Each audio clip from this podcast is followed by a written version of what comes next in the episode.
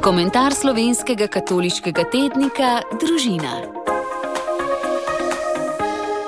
Komentar je napisal Sandy Koren z naslovom Ne le nekaj srečnežev. Pojdite torej in naredite vse narode za moje učence. Krščujte jih v imenu Očeta in Sina in Svetega Duha in učite jih izpolnjevati vse, karkoli sem vam zapovedal. In glejte, jaz sem z vami vse dni do konca sveta. Zanimiva je misel, ki me že dalj časa nagovarja. Cerkev je edina organizacija na svetu, katere poslanstvo ni najprej skrbeti za lastne člane, ampak za tiste zunaj nje. Seveda je treba tako trditev pravilno razumeti. V cerkvi se kristijani zbiramo in skupaj slavimo Boga, skrbimo drug za drugega in se v občestvu podpiramo. A če pravilno razumemo poslanstvo, ki ga je Jezus zaupal svojim učencem, je naša prvenstvena orientacija k tistim zunaj živega občestva, oddaljenim. V Matejevem evangeliju slišimo, da Jezus pošlje učence naj gredo k tistim, ki še niso njegovi učenci, in jim pomagajo, da to postanejo. Biti Jezusov učenec ni vedno enako biti krščen. Mnogi krščani danes ne želijo biti Jezusovi učenci, so to pozabili ali nikoli niso vedeli, kaj to pomeni. Kljub morda kakšnemu odstopanju v odstotkih, se lahko tudi mi znajdemo v raziskavah, ki kažejo, da je v zahodnem svetu približno 7 odstotkov katoličanov zraven, so torej tisti, ki prihajajo k maši, se udeležujejo aktivnosti v župnijah, so tukaj. Približno 11 odstotkov krščenih se je postavilo na pozicijo nasprotovanja in sovraštva do vere in cerkve, približno 81 odstotkov krščenih pa je preprosto apatičnih in živijo tako imenovan apateizem, držo, ko je človeku popolnoma vseeno za kakršnokoli versko vprašanje in ga to ne zanima. Tukaj je največja baza tako imenovanih oddaljenih, ki jih v cerkvah srečujemo le ob božiču, veliki noči, ob pogrebih in morda krstih, ter kdaj še v podobi staršev veroučencev. Sicer pa jih ni. V zgodnji cerkvi te večine ne bi bilo med krščenimi, kajti vsak, ki je želel biti krščen, je najprej moral postati učenec.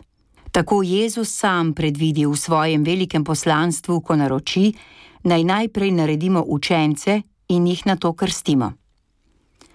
Skozi zgodovino smo krst v cerkvi postavili na prvo mesto, vedoč, da bodo osnovne skupnosti, družina, občestvo vernih poskrbele, da bo otrok potopljen v vero in bo stopil na pot učenčevstva. Krstna milost je tako delovala v otroku že od malega, v sodelovanju s starši, botri, okoljem.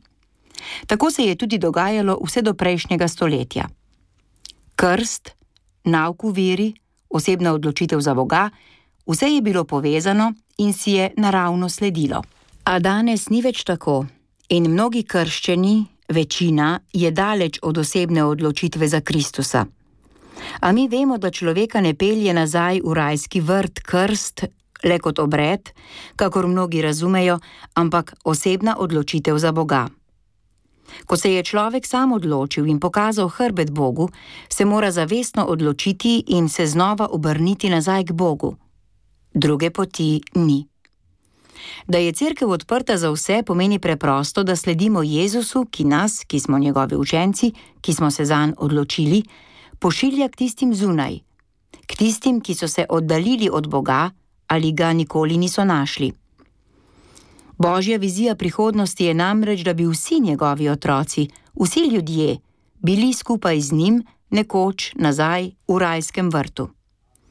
Vsi, ne samo nekaj izbranih srečnežev. Če zares sledimo Gospodu in ga ljubimo, bomo šli med te oddaljene, našli načine in povabili čim več ljudi k njemu. S tem bomo najbolj služili Gospodu, da bomo naredili nove učence, kot nam naroča On sam. Kako? To pa je stvar pastoralnega iskanja. Pastir je tisti, ki ovce išče, vodi, varuje in hrani. Od njegovega znanja, veščine, truda in nenehnega iskanja in iznajdljivosti je odvisno, kakšne poti bo našel, da bo ovce našel in nahranil. Nam je Jezus obljubil, da bo nenehno z nami do konca sveta. Kdor se torej poda v to, da bo misionarski učenec, duhovnik ali laik, najbolje pa kar skupaj v pastoralnem sodelovanju, ki bo iskal oddaljene, lahko vedno računa, da tega ne bo počel sam, ampak bo z njim vedno obljubljeni Božji duh, ki je prvi, ki išče in spreobrača srca ljudi k Bogu. Komentar je napisal Sandy Koren. Komentar slovenskega katoliškega tednika Družina.